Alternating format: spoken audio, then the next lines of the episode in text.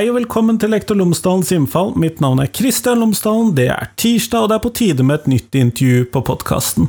Denne gangen så snakker jeg med Hans Marius Christensen, som er rektor ved Ringstadbekk skole i Bærum, og Dag Johannes Sunde, som jobber på Oslo OsloMet. Det vi skal snakke om i dag, det er hvordan vi kan bryte faggrensene på skolen. Hvordan kan vi arbeide på måter som er tverrfaglige, eller som kanskje krever et helt nytt begrep, at uh, tverrfaglig kanskje ikke lenger er det riktigste begrepet for dette, men som oppfyller læreplanene. Hvordan kan vi arbeide med dette praktisk, hvordan kan vi tenke om det, osv. Det er det vi skal snakke om i dag. Så det håper jeg at du vil synes er spennende. Ellers, podkasten er som alltid sponset av Fagbokforlaget, og Fagbokforlaget utgir bøker og digitale læremidler for hele utdanningsløpet, fra barnehage til høyere utdanning og profesjonsstudier, samt norsk for minoritetsspråklige. Og Det siste året så har det kommet ut en rekke spennende titler til lærerutdanningene og for lærere. og en av disse er lekende læring og lærende lek i begynneropplæringen, og i denne boken så utforsker forfatterne ulike tilnærminger til lekbasert undervisning. Innenfor fag, på tvers av fag, i skoledagen, i skolemiljøet ellers. Rett og slett veldig spennende.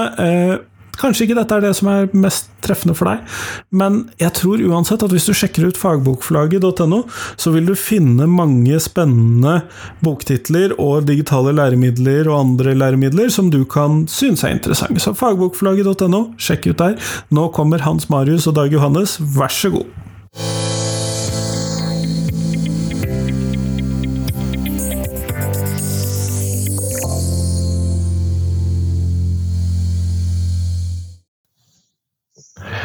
Hans Marius og Dag Johannes, eh, velkommen til Lektor Lomsdalens innfall. Eh, takk for at dere har tatt dere tid til meg i dag.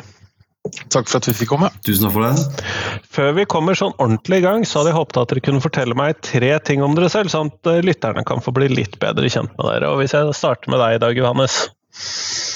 Ja, jeg har jo tenkt, tenkt litt på det der, hvis jeg skal trekke fram tre ting. men Først av alt vil jeg si at jeg er en lidenskapelig filmmusikknerd. Det tror jeg kanskje jeg skal ha på førsteplass. Um, ja, på to så er jeg glad i både søm og skriving. Altså både håndverk og teori der, altså. Og så uh, trener jeg veldig mye. Kjempeflott. Det var hørtes ut som tre ting. Hans Marius? Ja, eh, jeg er veldig glad i mat. Både å lage den og spise den. Eh, og gjerne liksom litt mer enn bare kjøttkaker, da. Så jeg er litt, eh, litt gourmet. Og så er jeg veldig glad i fotball, spesifikt Vålerenga. Er Vålerenga-supporter. Og så er jeg veldig glad i musikk, og spiller i to band på fritida. Kjempeflott. I dag så skal vi snakke sammen om eh, tverrfaglig eh, jobbing i skolen. Eh, fordi at det har jo Tverrfaglig læring har vel dere brukt som undertittel på boken deres også, men jeg tror vi må starte med hva mener dere med tverrfaglighet? Fordi at dette er jo et begrep som jeg er litt usikker på om vi klarer å være enige om hva dette innebærer, så hva mener dere? Mm. Eh, jeg vet ikke om jeg skal begynne, Hans Marius, men eh, eh, for min del i hvert fall, så Når jeg hører tverrfaglig læring, så er det jo å tenke på tvers av fag og fagområder. Og hele vitsen med det er at hvert enkelt fag kan berike og bør berike andre fags perspektiver og innhold. Um, for meg handler det også mye om å tenke i større temaer eh, som ikke nødvendigvis tilhører et spesielt fag, men som henter perspektiver fra ulike fag. Og eh, I forbindelse med LK20 og implementering av det, så tenker jo vi i hvert fall at det er viktig for alle å jobbe og organisere skolen slik at det legger til rette for å kunne lære på eh, både i- og mellomfag på best mulig måte. Eh, og det betyr ikke at eh, det betyr ikke at et, et og et fag er mindre viktig, og at fagspesifikk kompetanse får noe mindre verdi. Snarere tvert imot det å belyse og berike eh, enkeltfag på en bedre måte enn et, et fag kan gjøre på enkelt, eh, enkeltvis. Da. Det er på en måte kanskje hovedkonseptet slik som jeg ser det. Jeg har lyst til å legge til at uh, det er også veldig mange kompetanser som ikke, uh, ikke hører hjemme i bare ett fag, uh, og som er fagovergripende eller tverrfaglige, eller kall det hva du vil. Og det å jobbe med å trene på disse kompetansene med forskjellige fags briller kan være en god måte å jobbe med kompetansene på, men da bør disse kompetansene på en måte være målet og overskriften på hva vi jobber med, og ikke tittelen til et fag. Da. Mm. Og, og, så tenker jeg også det at uh, Og det, det, berører jo også veldig mange sider ved, ved læring og, uh, og, og lærernes uh, undervisning. Fordi hvem har da ansvar for å vurdere de fagovergripende kompetansene? Skal det skje enkeltfag uten at de ulike lærerne samarbeider, f.eks.? Uh, naturlig vil det være da at man også i at flere fag tar ansvar for å vurdere de faglige kompetansene, vet i hvilken grad og hvordan man, uh, man gjør det på tvers av fag. Sikkert, uh, det vi sikkert kommer tilbake til litt senere i sendingen også, er hvordan kan man, eller bør man organisere for å på en måte hente ut de gevinstene av tverrfaglig både læring og Nettopp. Men her så er det jo Dere peker jo på ganske mange ting her som uh, kan være både viktige og vanskelige. Men eh, jeg tror vi må innom en tur. Hvordan har tverrfaglighet blitt viktigere med de nye læreplanene? Eh, tror jeg vi kanskje må innom en tur før vi går videre. Ja, jeg, eh, For en del år tilbake så jobba jeg i Utdanningsdirektoratet og, og satt i prosjektgruppen som jobba med fagfornyelsen. og Altså, helt fra man eh, laga ny overordna del, så etablerte man jo de tre tverrfaglige store temaene. Nettopp for å eh, sette fokus på tre store eh, viktige samfunnsområder. Og så er det jo slik at De er jo svære, de temaene. og Som Hans Marius bruker å si, så er det ganske vanskelig å komme på et, et undertema eller et slags tema som ikke på en eller annen måte kan høre inn under de tre temaene. på en eller annen måte. Og de skal også ses i sammenheng. Og, men så, så, blir det også det at det blir litt rart å tenke som så at det er utelukkende de eh, store temaene som, som, skal jobbes med tverrfaglig i enkeltfag. Det vil jo være naturlig at eh, de ulike lærerne som underviser de fagene, vet og kjenner til hva de ulike lærerne underviser i. For Målet må jo være at elevene klarer å bygge en helhetlig kompetanse i eh, forståelsen av de temaene. Men så eh, i, eh, i, etableringen av, av, LK20 så satte vi også ned en, en arbeidsgruppe som vi kalte for tverrfaglig gruppe, som uh, i bedre ja, bedre enn tidligere klarte å se hvordan um, de ulike kompetansemålene, kjerneelementene, ble bygd på tvers av de ulike fagene. Nettopp for å kunne bygge både progresjon i et fag på en bedre måte enn før, men også mellom fagene. Eh, og, eh, og, og, Hensikten med det var jo også for å kunne bedre legge til rette for at lærere skal kunne samarbeide. Eh, og, og legge til rette for tverrfaglige sammenhenger. Og Vi ser jo også det nå at den nye læreplanveilederen for UDIR legger jo opp til at at lærerne skal kunne hente ned relevante kompetansemål mellom fag for å kunne se gode sammenhenger. For Det er veldig viktig at lærerne i større grad kjenner til læreplanene på tvers for å kunne modellere eller, eller vise eh, hvordan elevene kan se de sammenhengene. Men eh, Hans Marius, når vi skal drive med da, tverrfaglig eh, læring i skolen, så antar jeg at dette må ha noe å si for én, hvordan vi organiserer lærerstaben eller samarbeider i lærerstaben, at det må ha noe å si der, men også må ha noe å si for hvordan vi driver undervisning. Kunne du si noe mer om det? Uh, ja, det kan jeg godt gjøre. Altså, enhver, eh, Ethvert opplæringsforløp trenger å være planlagt godt.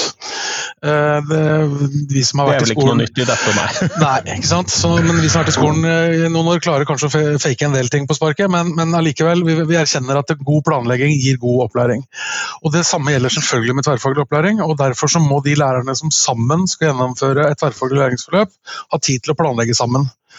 Um, og um, For at de skal få til det, så er det vesentlig at en lærer primær, har liksom et sånn primært hjemmeteam. Da, som at her er det jeg jobber med å planlegge mine tverrfaglige temaer. Det blir veldig vanskelig, eller det blir i hvert fall vanskeligere hvis man er på en måte eh, engelsklærer i tre-fire forskjellige klasser og, og, og har mange forskjellige eh, grupper med lærere å planlegge sammen med. Eh, sånn at det å prøve å organisere lærerne sånn at de har noen ganske faste og øh, øh, gjentagende fellesskap som skal planlegge sammen, øh, det, det er viktig. Og nå er jo liksom Teammodellen øh, er jo veldig utbredt i norsk skole etter hvert, og det å prøve å få disse teamene til å være øh, sammensatt sånn at de dekker det meste av det en gruppe elever skal ha. Det tror jeg er en god måte å tenke på for å få til at, eh, at de sammen skal kunne eh, planlegge så mye som mulig sammen. Man kan selvfølgelig planlegge tverrfaglig alene også, hvis man er faglærer i flere fag. Det er ikke noe veien for det. Eh, Men, eh, men det er klart at eh, med et slags sosiokulturelt læringssyn på at læring er noe som skjer i, gjennom aktivitet sammen med andre, så, så gjelder det for oss voksne også. Sånn at det å måte få til et, et godt opplæringsløp, det, det planlegger vi best når vi er et team eller en gruppe som gjør det sammen. Jeg. Så handler det jo ofte om at vi som enkeltmennesker ikke alltid klarer å se alle de der sammenhengene og ballene og mulighetene som ligger der. og det, Jeg samarbeider veldig godt med meg sjøl, ofte i hvert fall, men det er ikke alltid jeg klarer å se alle perspektivene. Nei, det er noe med det. Eh, Du spurte også om, hvordan det endrer måten vi underviser på. og, og eh, det holder på å si, Jeg tenker jo at undervisninga i norsk skole har forandra seg mye de siste åra. Jeg, jeg håper og tror at det er vanligere i de norske klasserom at elevene er i aktivitet, enn at læreren står og doserer foran fra tavla. Eh, og, og der er på en måte den viktigste endringa for å få til god tverrfaglig læring. Det er at eh, elevene også har tid til å samarbeide og reflektere sammen om de temaene de jobber med. fordi eh, alle elever tenker ikke strømlinjeforma likt. sånn at det å, å følge lærerens resonnement og svare på de spørsmålene som kommer underveis, det, det er ikke nødvendigvis den beste måten å og, åpne opp for at man skal tenke sjæl på. Da. Eh, Det kan sikkert være en fin måte å lære seg en, oppskrift på noe, eh, men eh, det er ikke nødvendigvis en god måte å, å få knadd et fagstoff, eller et tverrfaglig stoff for den saks skyld. Da trenger man å Hver elevgruppe må kunne jobbe litt som, som det passer for seg, da. under veiledning selvfølgelig fra, fra dyktige pedagoger som, eh, som er eh, Her kommer det kanskje en liten uh, twist, da, og det er at uh, vi må ikke være redde for å veilede på områder som ikke nødvendigvis er eh, vårt primærfag. For Hvis man jobber tverrfaglig og man er veileder i et tema, så, så kan én elevgruppe lure på noe som primært er matematisk, som mattelæreren veileder veldig godt på, mens en annen øh, gruppe kanskje trenger hjelp for, å finne ut av øh, noe språklig som norsklæreren kunne, kunne veileda best på. Men øh, da kan ikke mattelæreren si at sorry, det kan ikke hjelpe dere med, for jeg er ikke norsklærer. Da må mattelæreren kunne våge å veilede så langt vedkommende klarer innenfor sine rammer. Og i hvert fall så er min erfaring at elevene vet godt hvem som er eksperten. De vet at norsklæreren er norsklæreren som kan mest, men, eh, men de har også respekt for at eh, alle de andre lærerne også har skrevet mye opp igjennom og kan noe om språk, de også. Sånn at det å få veiledning fra andre enn bare norsklæreren, det tror jeg elevene våre tar veldig godt. De får jo mange får ofte veiledning hjemme, f.eks. Fra leger, og advokater og frisører og hva det måtte være. Som, eh, som også er i stand til å gi god veiledning. Eh, Så, så Derfor så tenker jeg at vi som er lærere må også våge å, å veilede utafor primærfaget vårt. Da. Men hvis Ja, Dag Johannes? Ja, nei, og så handler det jo om, å, eh, om å, å, å bryte grensen, som vi har kalt den boka. Det å åpne opp klasserommet. Fordi eh, Når jeg ser en del eh, timeplaner fortsatt i, i norsk skole, så er jo de veldig inndelt i fag. ikke sant? Og Elevene går inn i læringssone tre kvarter eller en time, og så over igjen noe nytt, og et nytt, og sånn, sånn går dagene fremover. Og, Og vi vet jo faktisk at det er kanskje ikke den beste måten å lære på. Sant? Vi trekker de inn i en læringssone, for så trekker de raskt ut igjen og over noe annet. Eh, og eh, med tverrfaglig så ønsker vi jo, eh, eller så er jo mulighetene innenfor fag- og teamfordelingen å kunne koble sammen flere fag, ha lengre økter som er mer dynamiske, og ta pause kanskje når de elevene trenger det, mer enn at det er sånn gitt etter 60 minutter og kunne jobbe med både utforskende, problematiserende og, og skapende. De må skape rom for læring og for å kunne lære ulike ting. Altså, eh, Kunnskapsløftet er jo slik at når vi har såpass uh, overordna mål som er på mer sånn antydningsnivå, så, så kan jo elevene også få mulighet til å jobbe med svært ulike problemstillinger, svært ulike ting ut ifra behov, men samtidig nå den samme kompetansen. Kan lære ulike ting, samtidig som de får den samme kompetansen. Og da må vi, tror jeg, eh, klare å bryte de grensene for å skape det rommet, både på tid, liksom, eh, hvordan vi, vi, organiserer bruk av tid, eh, ved å koble sammen flere fag og flere kompetanser samtidig. Eh, og vårt inntrykk er jo at elevene liker å jobbe sånn, lærere liker å jobbe sånn, men at det ofte blir eh, prosjektbasert eller en, en, noe de gjorde en uke, f.eks., for så å gå tilbake til mer sånn tradisjonell eh, timeplanlegging og, og, og, time for time i de ulike fagene. Og jeg, jeg tror det er vanskeligere for elevene å se de gode sammenhengene Eh, med den type oppstylting av eh, fagtimer spredt utover uka. Man tenker mer i blokker for å kunne konsentrere seg over tid, og så bygge på en måte videre på, eh, på den kompetansen som du på litt sånn større format. Og, eh, sånn som Hans Marius og den skolen vi har jobba på, så har vi jo jobba med den sånn i seksukersperioder med temaet. og da lærer du veldig mye. Både i Du lærer å lære, og det der å bygge og tenke problembasert. Eh, og for du jobber med noe over tid, og så kan man sånn bygge på de erfaringene til neste tema eller prosjekt. Altså det, sånn, det, ligger også til grunn. Og sånn, vi mener henger veldig tett sammen med det nye kompetansebegrepet og det her med eh, dybdelæring, som er blitt sånn nytt buzzord i, eh, i, skolen. Jo, men, og det er jo det spørsmålet det er fra den litt kritiske hjørnen av lærerværelset. Jeg mistenker at dere har hørt det jeg nå kommer med før. Eh, men skal man da oppløse fagene sånn helt uh, hele veien? Skal jeg ikke få lov til å drive med mitt elskede norskfag sånn som jeg vil uh, undervise? Uh, og vil ikke dette være litt vanskelig å forstå for elevene? Jeg tror jeg oppsummerer tre av disse sånne skepsispunktene som jeg har hørt tidligere i den. Hva tenker dere om disse punktene? Aldri hørt det før. Nei da. Jo da, jeg, jeg, jeg, skjønner hva du mener. Eh, og eh, for å ta den derre eh, Skal jeg aldri få undervise mitt kjære norskfag, holdt jeg på å si, biten av det først. da. Det er faktisk noe av det, de grensene som må brytes. At man våger å gi fra seg deler av faget sitt til et fellesskap. Ikke hele. Man skal ikke på en måte slippe kontrollen, man skal fortsatt være eksperten. Og så er det sånn at Når Dag Johannes nevner at vi jobber med temaet i en seksukersperiode, f.eks., så er det ikke sånn at vi står i en storyline 100% av tida i seks uh, uker eller i et prosjektarbeid. Det er jo um, Deler av dagen går med til et tverrfaglig arbeid, og deler av dagen går med til faglige arbeider. Og Noen av de faglige arbeidene kan være helt utafor temaet, fordi det var det som trengtes i det faget. Mens andre fagarbeider kan være en nødvendig eh, påfyll som er nødvendig for å komme videre i prosjektet eller i storylinen. Eh, og, eh, og Der trenger vi faglæreren, og der har også faglæreren muligheten til å skinne med sitt kjære norskfag, for å si det sånn som du sa det. Og så Når de da går inn og jobber med, med i den tverrfaglige biten, så tenker jeg altså, hvis en klasse skulle hatt tre norsktimer i løpet av en uke, da, eh, og så ender de opp med at de har kanskje bare én med norsklæreren sin som det står norsk på på timeplanen, og så skulle de da hatt to timer til, men på timeplanen så står det faktisk ti timer med tema. I alle de ti timene så kan faktisk eleven i en eller annen grad, ikke hele tida de ti timene, men, men med jevne mellomrom, øve på de kompetansene som norsklæreren har gitt han en introduksjon til at han skal øve på. Og så sitter jo norsklæreren egentlig igjen og har fått en haug med timer som eleven kan jobbe med sitt fag på, i mm. stedet for å ha gitt noe. Hvis du skjønner forskjellen på det. Ok, Jeg skjønner at du skjønner det, men jeg vet ikke om jeg forklarte det godt nok, for å si det sånn.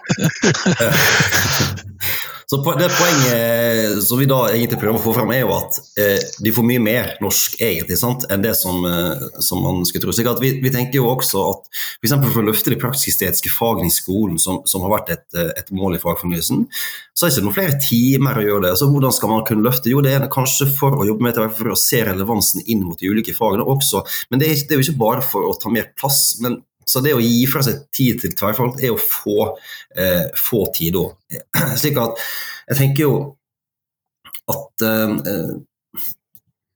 eh, ja, men, men, vi må da kanskje tørre å altså plassere flere av de tingene vi har lyst til å jobbe med gjennom et år, ikke inn i sånne 45 minutters bolker, men å putte det inn i 450 minutters storbolk. Og så må vi da mm ha tro på og tillit til at uh, vi klarer å formidle mange av disse små tingene i den store helheten.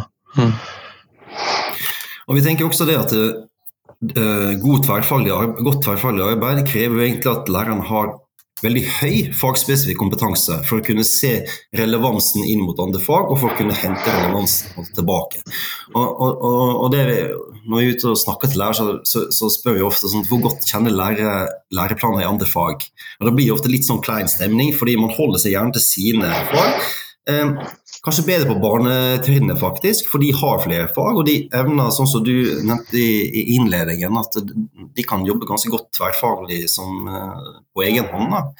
Eh, men det er det å, å, å, å ha såpass god fagspesifikk kompetanse at du klarer å se den relevansen. Og relevans er viktig. så Når Hans Maje sier at vi har ting som går parallelt, så er det fordi at um, tverrfaglig, skal, man skal, ikke presse på fag som ikke har en verdi inn. Altså. Det, det, er viktig å si. Så det skal, bør være parallelle uh, løp som går, uh, hvis noe ikke er relevant. Og så er det slik at um, Fag kan også være mer eller mindre relevant. På Ringsebekk så opererer vi jo med noe som vi kaller for styringsfag, som på en måte er mest gjeldende i en en kontekst, mens du har andre fag som har mer sånn støttefunksjon. Da, du, du, sa også Christian, eh, som en av de kritiske stemmene fra et eller annet hjørne på lærerværelset at skjønner elevene dette her? Og, og, det tror jeg faktisk at uh, de absolutt gjør. fordi at, uh, Men det er noe av det vi må hjelpe dem med selvfølgelig også, se den, nettopp se den relevansen. Da, og Forstå hvordan ting henger sammen. Jeg, men jeg tror det er lettere for elever å, å ha litt sånn fokus på et avgrensa område for en periode enn å hoppe og sprette så veldig. Og en timeplan altså en timeplan som inneholder seks timer i løpet av en dag, burde allikevel ikke ha noe særlig mer enn eh, to-tre forskjellige læringsaktiviteter, spør du meg. Altså, det, er ikke, det, er ikke, så veldig mange yrker hvor man på en måte jobber med helt sånn vilt forskjellige ting hvert, hvert 45 minutt. Eh, sånn at det å på en måte få ting til å henge sammen og, og, og bygge på hverandre, det, det, er en vesentlig del av å få elevene til å, å forstå hensikten med det de skal lære seg. Og Det tror jeg det er lettere å få til når man jobber tverrfaglig og kobler faga sammen, enn når hverdagen blir veldig fragmentert. Jeg er jo vant til å undervise på en skole som nettopp har blokkdager. Dog, da, da er det jo silofag. Men som har seks timer undervisning eller tre timer, litt avhengig av hvilket fag det er. Fordi mm. ingen ville ha seks timer gym, fant vi ut. eh, og så blir det litt sjelden gym. Eh, så har vi jo da Jeg må jo innrømme at det å ha lang tid er jo noe av det jeg virkelig har satt pris på i min undervisning. Mm. Mm. Men jeg tenker jo at uh, en sånn det, det, har vi jo også erfaring med å ha en sånn fagdag, f.eks. Og jeg tenker at det er, det er litt av det samme konseptet. Altså Et fag kan være rikt på veldig mange perspektiver, men det er snakk om å få jobbe med noe over tid. da, og, og, og virkelig kunne gå inn i en læringssone, være der, jobbe på ulike og varierte måter. Eh, og, så, så, det er Jeg tenker jo at det, det har en, en, god verdi, og, og jeg, jeg syns ikke det er noen, noen uh, motsetning mellom det og på en måte koble sammen, uh, koble sammen flere fag. Og Tverrfag betyr jo heller ikke at det skal være liksom minimum uh, fem-seks fag, det kan godt være to fag. Uh, men nettopp at ulike relevante faglige perspektiver ses i sammen. Jeg tenker Det akkurat den gevinsten du beskriver, at, at, du liker å jobbe med at du liker å få en hel dag, for da kan du jobbe sammenhengende med ting. Det er nettopp den gevinsten man kan hente ut når man organiserer dagene mer tverrfaglig. Um, og For elevene så er det ikke superviktig om det står eh, norsk, matematikk og engelsk på, på timeplanen, eller om det står tittelen på et tema. Um, og, og det, nettopp det å kunne jobbe med ting over tid, det tror jeg det er uh, både lærere og elever setter pris på. Og så er det jo sånn at I planleggingsfasen her Jeg sa dette med eksperten i stad, men det er, det er der kampene står, hvor faglærerne på en måte uh, altså Ideelt sett så skal jo faglærerne prøve å få det tverrfaglige eh, temaet til å, å, først og fremst ta sitt fag. Så skal jo være en faglig kamp i planleggingsfasen her, hvor alle faglærere vil sørge for at sitt fag blir ivaretatt så godt som mulig.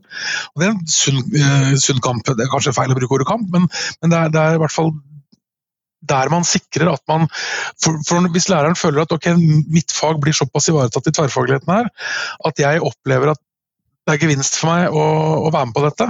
Da er det mye lettere å, å delta med tid, da, enn å og så føle at man, altså, Hvis lærere føler at de gir fra seg tid, så er det alltid en vond ting. Eh, så det, vi må prøve å få dem til å mm. kjenne at de vinner tid. da. Og det er jo liksom det, det vi snakker om nå, det, det er jo eh, hvordan få til et godt profesjonsfellesskap på mange måter på team. ikke sant? Hvordan kan vi eh, utnytte potensialet i læreplanene for å bygge best mulig kompetanse, legge til rette for best mulig kompetansebygging hos elevene. Det er jo det vi snakker om. Og, og, eh, og, og da tenker jeg også at det, da, er det, da er nødvendig, nå er det nødvendig å lese læreplanene på, på tvers. Eh, gjerne ta elevene med i den planleggingen. Eh, og tenke på en måte i, i, i større rom da, når man legger til rette for uh, å, tenke over større tid, kanskje, enn fra time til time. Uh, og, og, og, tenke på en måte kompetansereise. Hvor, hvor skal vi hen? Uh, og, da blir organisering av skolehverdagen en viktig del av det. Altså. Og, og, i hvert fall sånn som vi har opplevd, så, så er gjerne en tenkning på seksukersperiode en, en, en fin måte å gjøre det på. Men det går selvfølgelig også an å legge til rette for god tverrfaglig læring over mye mindre tidsrom. Eh, men, men, eh, at det er noe som på en måte eh, du kan bygge videre på etter at en økt er over.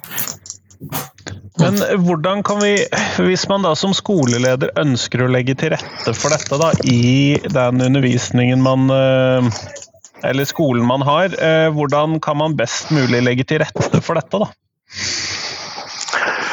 Eh, det er et vanskelig spørsmål å svare på uten å kjenne på en måte utgangspunktet til skolen. tenker jeg. Eh, for Det kommer så veldig an på hvor skolen er fra før av. Men, men, det blir som jeg sa i stad også, at det å legge til rette for at en passe stor gruppe med, med, lærere får tid til å planlegge gode læringsløp sammen, det er viktig. Og når jeg sier passe stor gruppe, så eh, er jeg den oppfatning at det er fire-fem stykker. Altså, Begynner å bevege seg langt over det, så er, det, er vi fort på det mer kokker og mer søl-problematikken. Eh, det er vanskelig å, å, få blitt en full Mange kan trekke seg unna, mange kan føle seg overkjørt.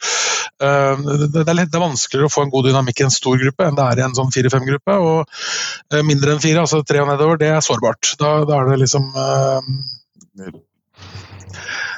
hvis tre stykker har planlagt noe sammen og én blir syk, så er det ikke så lett for de to som er igjen å få det til å gå rundt som det ville vært med én til. da.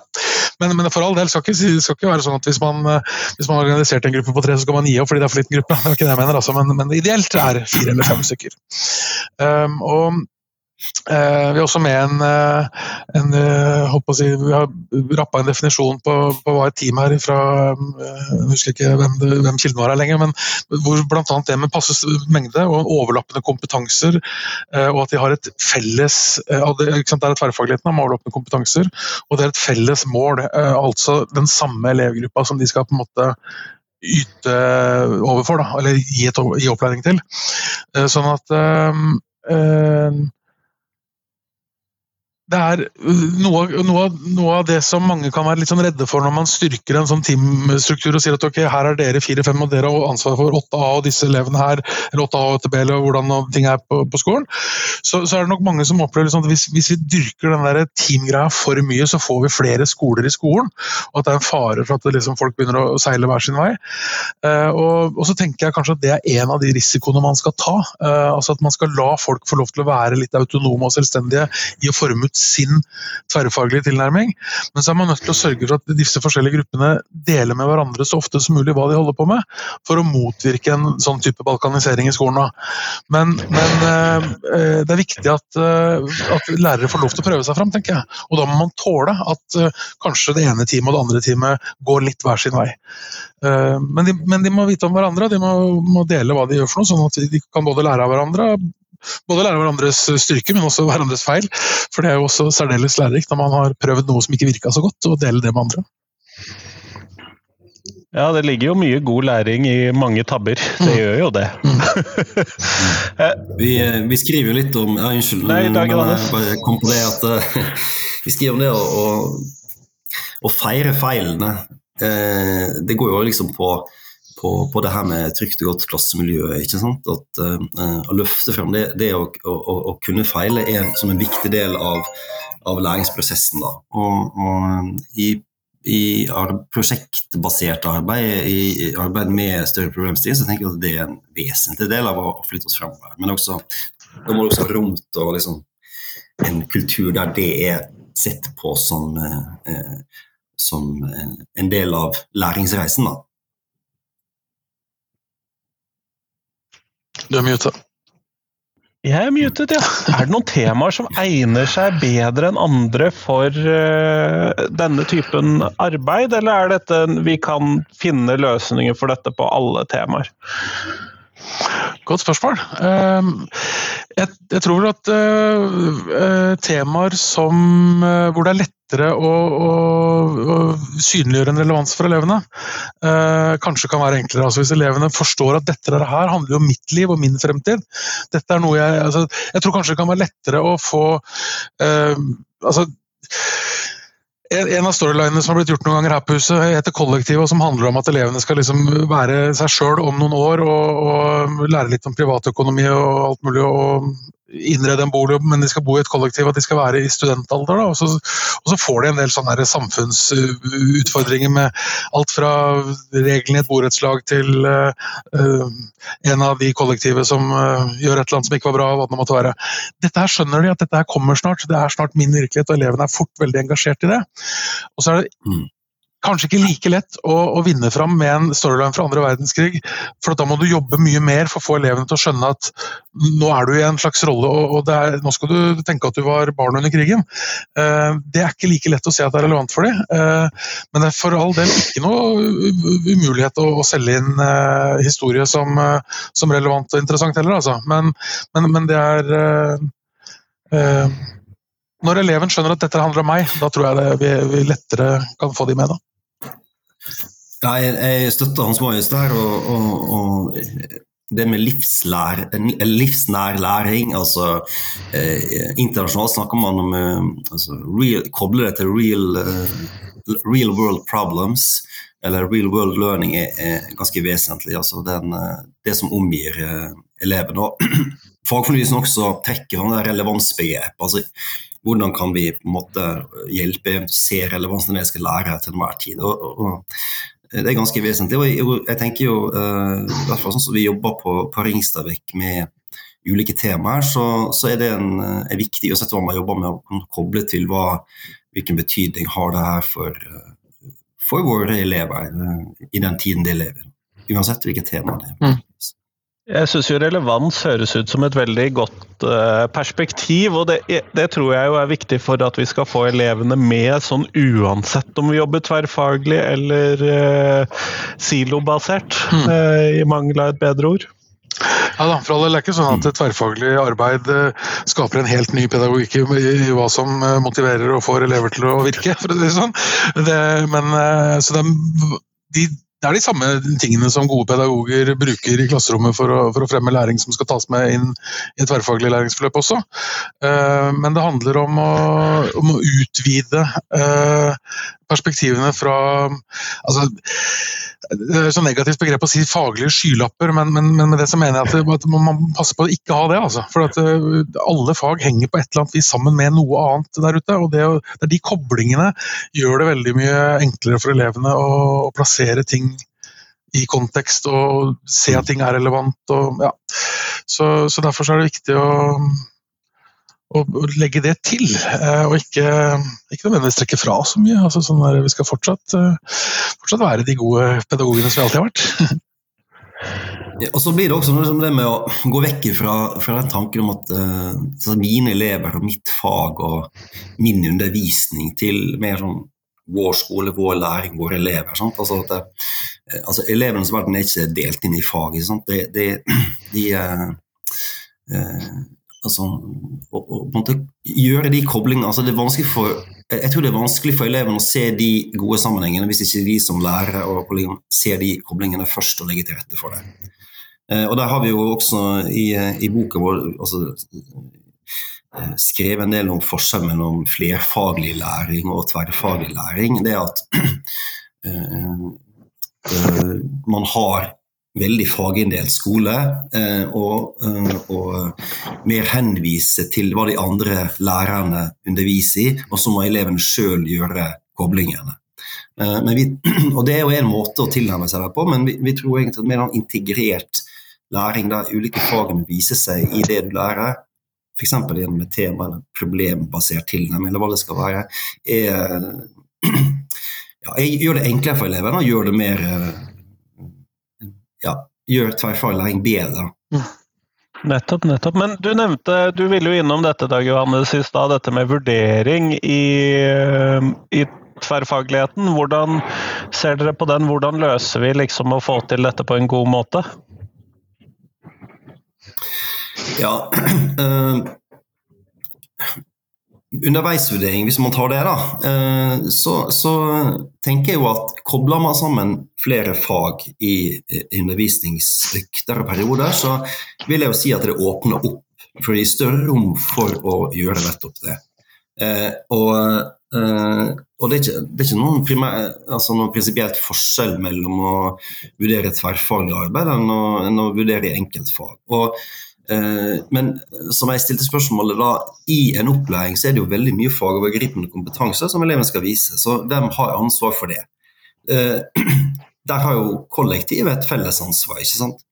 Og um, i lengre økter, uh, gjerne i, eller hvis de jobber med et prosjekt, så, så åpner jo også um, sånn organiseringsmessig rom for å kunne uh, Eh, under, eh, under, underveis høre i grupper, eh, men også enkeltvis osv. Du har flere lærere å spille på, som gjør det arbeidet også mer dynamisk. Og Hans Marius har jo også ja, på, på Ringsebekk sikkert um, flere eksempler på hvordan, hvordan de gjør det der. Ja, ja du, altså du, du sier, starter med å si underveisvurdering, Dagan, så tenker jeg det er, det er sikkert fordi det er det som oppleves som minst farlig, kanskje. Eh, fordi at når det kommer til, til sluttvurderinga eller altså, Formelt sett så er sluttvurderinga det gjør vi bare i 10. klasse i ungdomsskolen, eh, helt til slutt, men, men, men allikevel så har det noe sluttvurderingsaktig over seg, de karakterene man setter uh, en gang iblant. da. Um, og, uh, og, de karakterene de skal være faglige, de er ikke tverrfaglige. Og det er en utfordring. og Det er der lærerne ofte på en måte uh, sier at uh, jeg vet ikke om jeg klarte å se kompetansen til elevene godt nok i dette tverrfaglige læringsforløpet, her, så jeg er nødt til å jobbe litt med faget mitt ved siden av i tillegg. Det hender. Noen ganger så er det, er det, sånn at det må til, men igjen så handler det også liksom om, om hvor godt man har planlagt. da. Um, jo bedre man planlegger på forhånd, jo lettere for man, I alle læringsforløp så må man planlegge og legge til rette for at elevene får vist sin kompetanse. Uh, også i et tverrfaglig læringsforløp. Um, og så er det jo sånn at um, det finnes ganske mange kompetanser som skal trenes uh, i, i i, i, fagene som er lik for flere fag. Uh, altså Det å uh, utvise kildekritikk og, og, og, det å sammenligne forskjellige kilder, f.eks., det er en kompetanse som uh, man trenger i flere fag. som, så, så, det er ikke sånn at fordi en elev har uh, sammenligna et par religiøse tekster i KRLE, så er, har han ikke den evnen til å sammenligne tekster i et annet fag. Altså, sånn, det er noe med at disse kompetansene bygger på hverandre. Da, sånn at vi må, uh, vi må tenke litt sånn at det, vi må skille litt mellom kompetanser og innhold, kanskje. Altså Våge å, å se til kompetanser uh, enn bare innhold. Um, og så er det klart at det er, det er um, jeg tror at de fleste lærere syns det er ok å gi underveisvurdering i et tverrfaglig forløp hvor de på en måte tenker at de ikke eh, blir tatt av et eller annet dokumentasjonskrav. Eh, men jeg jo at, jeg håper jo at lærerne fortsatt tenker at det jeg gir av tilbakemelding må være kvalitativt. Det må, det må gi elevene eh, motivasjon til å jobbe videre, og det må gi dem informasjon om hva de trenger å gjøre for å komme seg videre. Jeg håper jo at de tenker mye på det når de gir eh, vurderinger uten karakterer, eh, og det tror jeg de gjør. Um, og det tenker jeg er den viktigste vurderinga for elevene i, i opplæringa. Å få sånne typer tilbakemeldinger som gjør at de kan strekke seg og, og komme seg videre.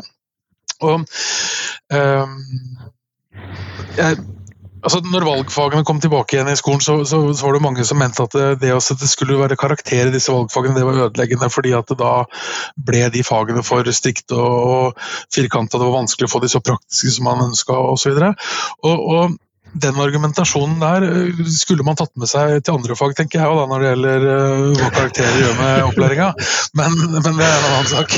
Men, men, men allikevel, så, så det, er, det, er den frykten der, da, om at det å kunne dokumentere en karakter er det folk er veldig eh, ofte, ofte, havner litt i en slags skvis der. Da, for de føler at jeg må kunne dokumentere at de har prestert sånn og sånn den og den datoen.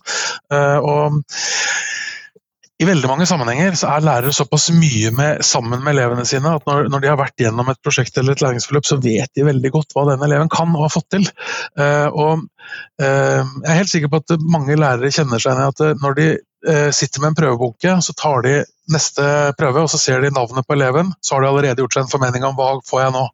Denne eleven kjenner jeg så godt at dette, som ligger foran meg, nå, det er enten en firer eller en femmer. Det er der den eleven pleier å være, for Ikke sant? Og derfor tenker jeg, Når vi har den elevkunnskapen allerede, Eh, så er det jo ingen som ber oss om å kunne si at på den prøven og den prøven så gikk det sånn og sånn. Det, det vi må kunne dokumentere, er at vi vet at den eleven kan dette, her, og det kan vi ha tilegna oss i en diskusjon i klasserommet, eh, i en skriftlig tekst, i en podkast. Eh, det er mange måter å få den informasjonen om elevens kunnskap på. Og Der tenker jeg at det å utvide måten å hente inn hva eleven kan på, er verdifull. Og jeg tror at de fleste som hører på den podkasten, sånn, de, de gjør seg noen eh, meninger om, eh, om, eh, hva både lektor Lomsdalen og Dag Johannes og Hans Marius kan om skole og tenker om skole. Og de, jeg tror noen er enig, mer enig med den ene enn andre, kanskje. Altså, bare den lille timen her, så da har folk på en måte gjort seg opp noen meninger om hva vi står for og, og kan.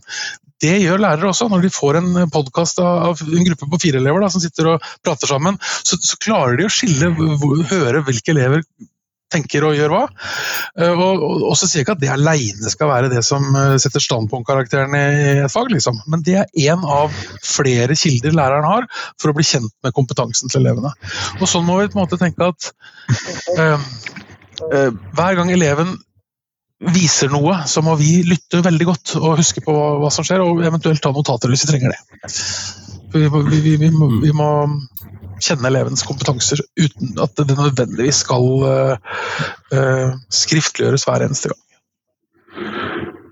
Ja, altså, eh, bare for å skyte inn Kristian, når du nevnte hvordan uh, gjør, man det, gjør, man det, med vurdering i tverrfaglig arbeid, så kan man jo stille spørsmål tilbake. Hvordan gjør man det vurdering i enkeltfag? da? Uh, hensikten er vel at det ikke så, skal ikke være så stor forskjell, egentlig, men vi tenker at uh, i tverrfaglig læringsforløp, så kan det åpne opp det rommet og gi eh, elevene større mulighet til å vise ulik form for kompetanse over en tidsperiode. Kjempeflott. Vi går mot slutten av den tiden vi har i dag. Og da har jeg et fast spørsmål, og så kan jeg jo anbefale at folk leser boka deres sånn hvis de vil ha mer info. Vi kan jo ikke ta hele boka i en episode, men eh, lærer, hvilken lærer har gjort størst inntrykk på dere, og hvorfor? Og da kan vi starte med Hans Marius denne gangen, da, så kan vi gå til Dag Johannes etterpå. Ja, jeg, eh, når jeg fikk det spørsmålet på forhånd, så, så syns jeg det var faktisk litt vanskelig. For jeg har hatt eh, mye gode lærere opp igjennom som har inspirert meg på forskjellige måter. Men um, jeg tror allikevel at jeg, jeg, hadde en kar i det som da het alternativ livssynsundervisning da jeg var, gikk på, på skolen, som uh, uh, som selv var en uh, kristen mann, og som uh, gikk mye i kirka og var aktiv i den lokale kirkelyden osv. Men han hjalp meg med å åpne opp øya veldig i forhold til å, å både fil med filosofi og, og det å, å være uh, åpen for at livssyn var så mye forskjellig hos forskjellige mennesker. Og, og det å, å, være så sterk i ett livssyn, men samtidig være så åpen for at folk er forskjellige, det den verdien der, den den lærte jeg mye av. Og, og han det tok jeg veldig med meg. Den respekten han øh, lærte meg å ha for andre, andre mennesker som var annerledes enn meg sjøl, gjennom å bl.a. vise det overfor meg, da, den, den, den satte litt spor. Så øh, jeg husker godt min lærer i, øh, i alternativ livssynsundervisning som jeg hadde på Sande skole på Gran på Hadeland. Kjempeflott. Dag Johannes? Ja, jeg har også hatt uh, flere lærere som har gjort inntrykk, altså. Uh, men jeg tror jeg vil trekke frem uh, en matematikklærer som jeg hadde på ungdomsskolen. Han var veldig kreativ, og um, nå er jeg så veldig glad i matematikk, egentlig. Det var liksom ikke mitt fag. Men han klarte å få frem evnen til å glede meg til de timene. Altså. Han hadde en tilnærming som var veldig åpen, og klarte å liksom få fram den utforskende eh, eh, lidenskapen. Altså det å ønske å, å, å, å finne ut av ting. da. Eh, så, så, jeg tror jeg trekker frem han. Så hadde han i tillegg evnen til å se hver enkelt og hva den enkelte eh, sleit med. Så trekker fram klisjeen her, kanskje, men, men, det er noe i det. Altså det å bli sett og det å både på godt og vondt, både svakheter og styrke, tror jeg er ganske vesentlig. Og, Eh, og det er noe som du vil ta med deg gjennom livet. Da. Og, eh, og, og særlig også med den kreative og eh, spennende tilnærmingen. Det, det, det har bitt seg fast. Kjempeflott. Tusen takk begge to, og takk for at dere tok dere tid til meg i dag. Takk sjøl. Takk for det.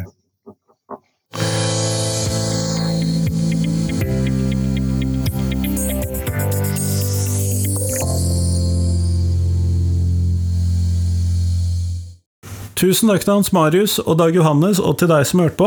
Nå er det én uke igjen til neste episode på podkasten. Det vil si, det er en uke til neste nye episode på podkasten. På fredag kommer det selvfølgelig en reprise. Og vi er jo nå inne i 2023.